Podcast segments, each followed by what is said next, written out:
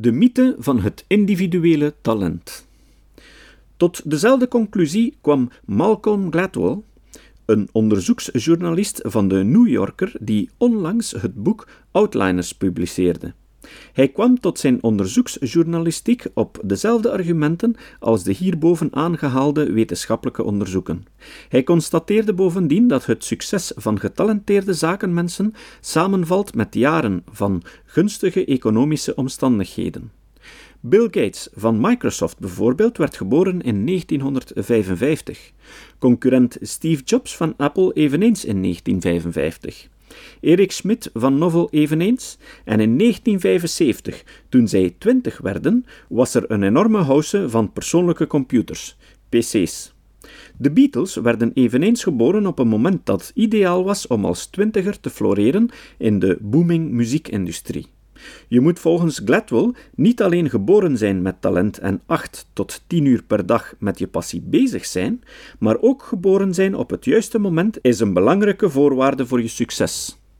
Opnieuw is de research van het boek The War for Talents, waarmee alles begon, behept met het halo-effect, de hindsight bias en de survivor bias.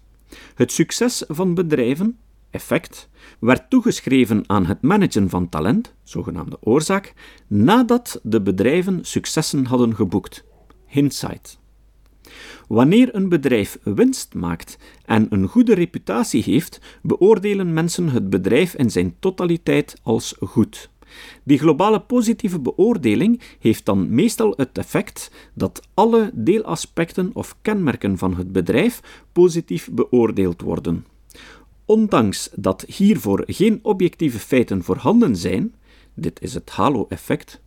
Voetnoot. Zie de eerdere uitleg over halo. Einde voetnoot.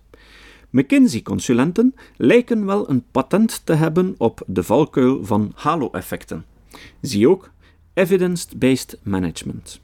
Erger nog, of de eigenschappen van de getalenteerde medewerkers ook voorkwamen bij minder succesvolle bedrijven, onderzocht men niet.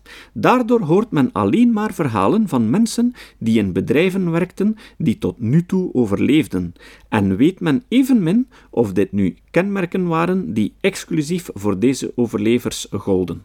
De survivor bias.